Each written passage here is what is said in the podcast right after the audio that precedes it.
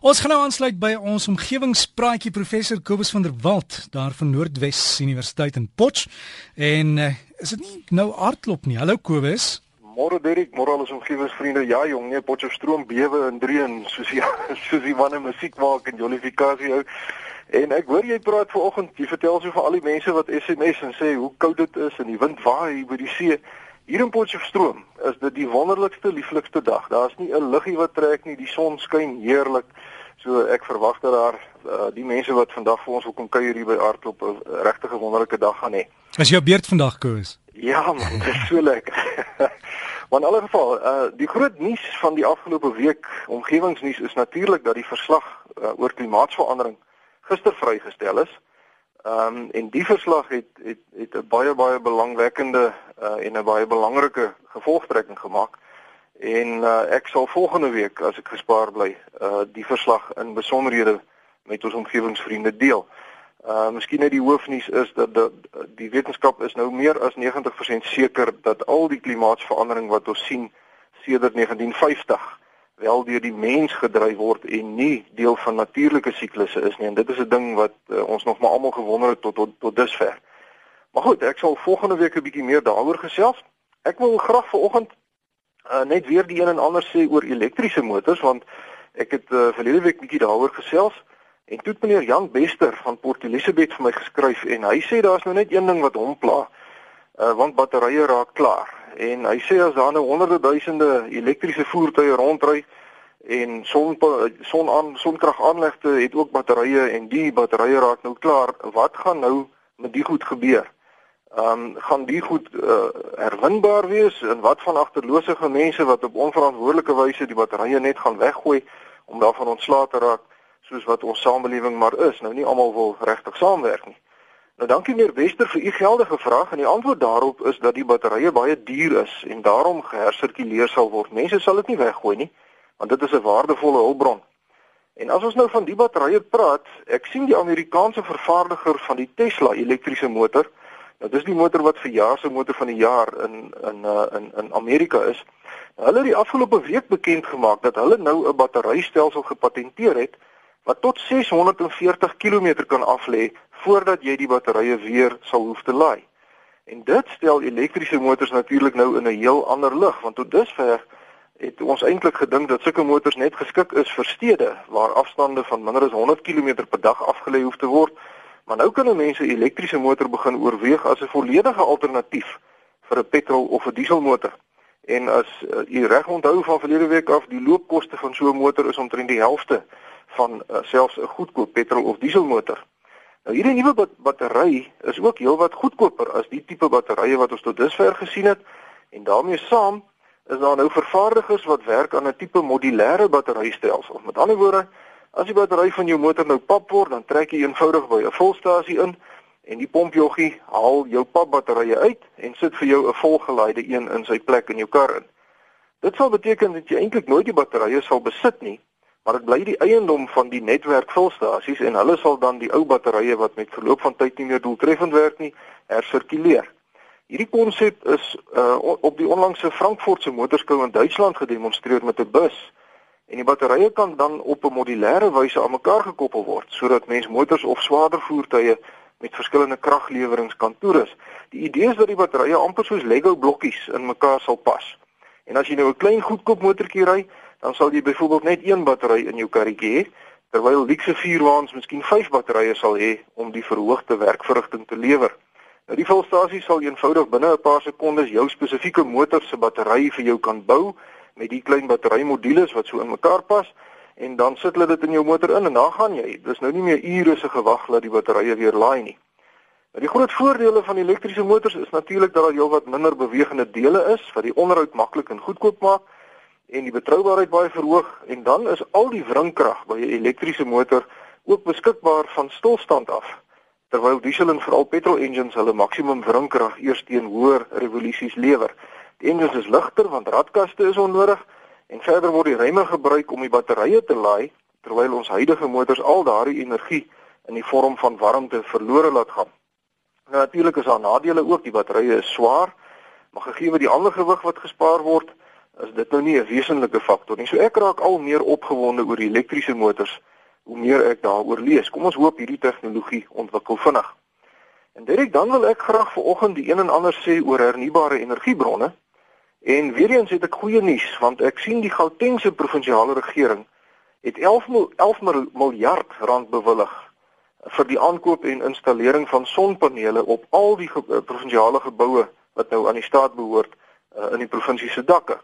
Nou, hulle het reeds hulle sommetjies gemaak en as mens nou al die staatsgeboue se dakke se oppervlak bymekaar tel, dan het hulle 'n oppervlak van omtrent 8 miljoen vierkante meter en hulle sal 300 megawatt op hierdie wyse kan opwek met sonpanele.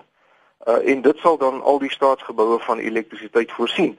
En verder gaan die Gautengse regering ook toenemend konsentreer op gas as energiebron, want Gauteng het reeds 'n baie effektiewe gasinfrastruktuur. En Sasol se monopolie op die aardgas wat van Mosambiek af ingevoer word, eindig in Maart 2013. Sodat die gas dan beskikbaar kan raak vir die verspreiding en die gebruik in ander sektore in Gauteng.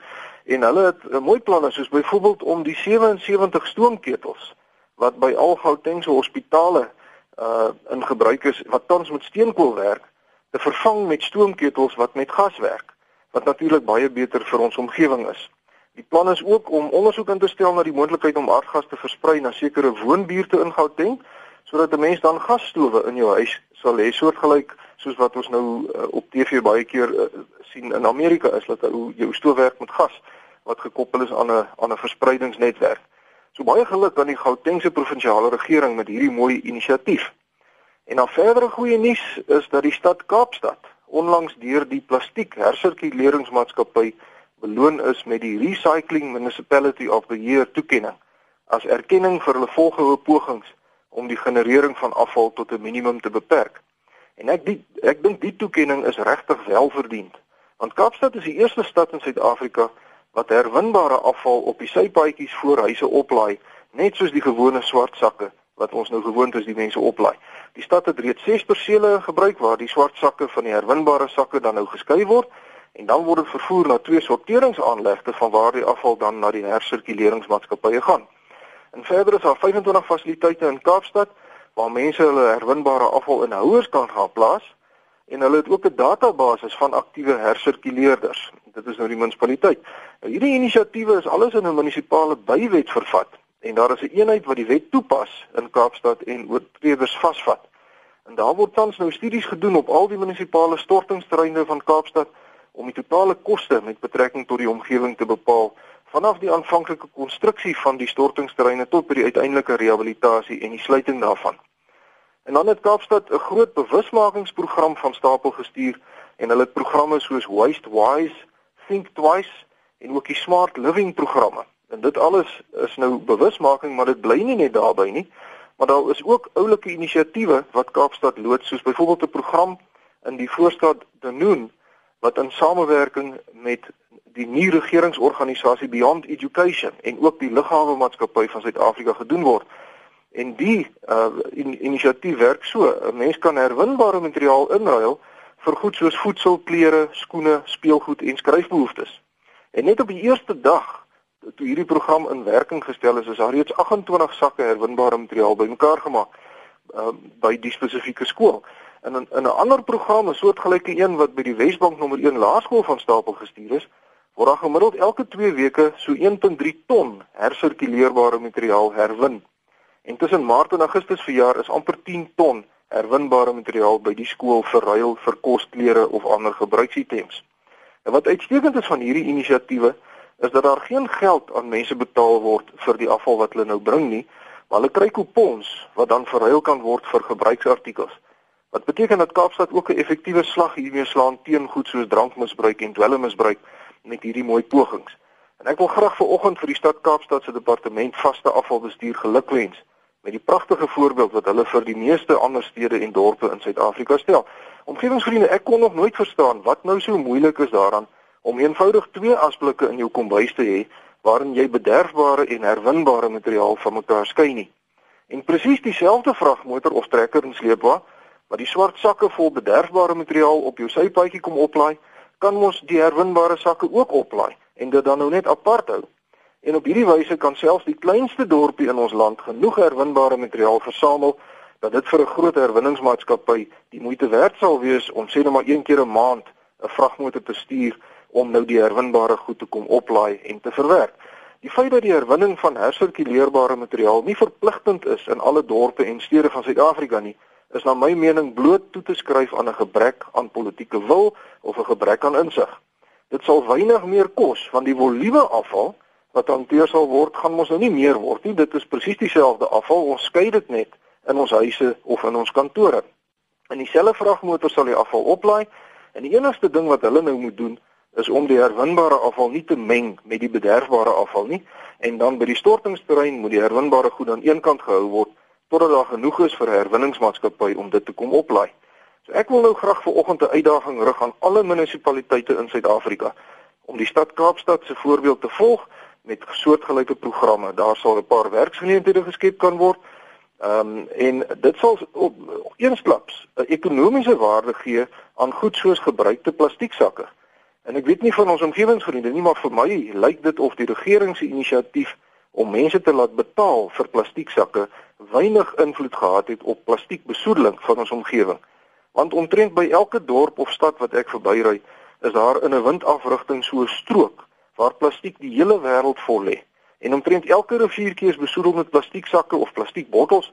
So as dit skielik nou vir mense die moeite werd word om die plastieksakke op te tel, en hulle weet hulle kan dit nou inruil vir kos of klere, dan sal ons hierdie ewel effektief kan hokslaan. So al die munisipaliteite in Suid-Afrika, kom ons werk 'n bietjie saam en ons dink net 'n bietjie uh, innoverend want dit gaan bitter min moeite verg en ons sal 'n reuse slag vir ons omgewing kan slaan terwyl ons ook die lewensomstandighede, die lewenstoestande van arme mense effektief en baie doeltreffend sal kan verbeter. Direk daarmee sluit ek af vir oggend. Soos ek sê hier in Potch bewe die aarde. Dis lekker hier by Aardklop. Dit lyk na 'n heerlike dag wat weer eens voor ons lê. En kom ons hoop en bid dat die somerreën baie spoedig opdaag want vir ons boere raak dit nou ernstig. Ehm um, ons ons vertrou regtig dat daar ook op die wyse vir ons gesorg sal word. As ons omgewingsvriende vir my wil skryf, skryf gerus. Uh, my rekenaaradres is kobus.vanderwalt@nwu.ac.za of u kan vir my 'n gewone brief skryf. Ek is by die fakulteit Natuurwetenskappe, Noordwes Universiteit, Potchefstroom 2520. Vriendelike groete tot 'n volgende keer. Kobus, dankie. Ek het nou net hier van Tina Brits ook 'n e-pos gekry. Sy sê ons moet die magtige dreuning hoor want dit is aardklop en sy sê Potchefstroom is 'n wonderlike plek. Is dit so? Jong, ek het 'n kollega uh, hier by die universiteit wat jare gelede in in Kaapstad en ook in Graafrenet gewerk het en hy bly nou so 'n paar jaar hier En hy sê Potchefstroom is die Transvaal se besbewaarde geheim want dit is 'n wonderlike plek uh die mense moet kom kuier. Ja, so so maak en ek weet hulle het ook die aardklop hierdie jaar geskuif, nee, dis dis op die Joelplas, dis nie op die ja, pad nie. Ja, dis op die Joelplas, Dirk, weet jy, dis uh ek en my vrou daar gaan rondloop, dit is uh, eintlik baie lekker groter.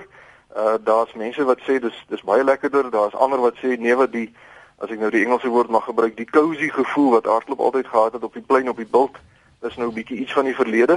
Maar jong, uh, dit wat ek hoor so as ek in die strate rondloop is dat uh, daar word nou meer kaartjies verkoop vir jaar as die hele verlede jaar en uh, vandag lê nog voor. So dit lyk vir my die produksies wat hier aan te bied is is van hoogstaande gehalte en die mense wat hier is geniet dit almal. Ek het nie een suur gesig gesien nie. Dankie Kobus Koos van der Walt. Dis Kobus.vanderwalt by nwu.ac.za met ons omgewingspraatjie.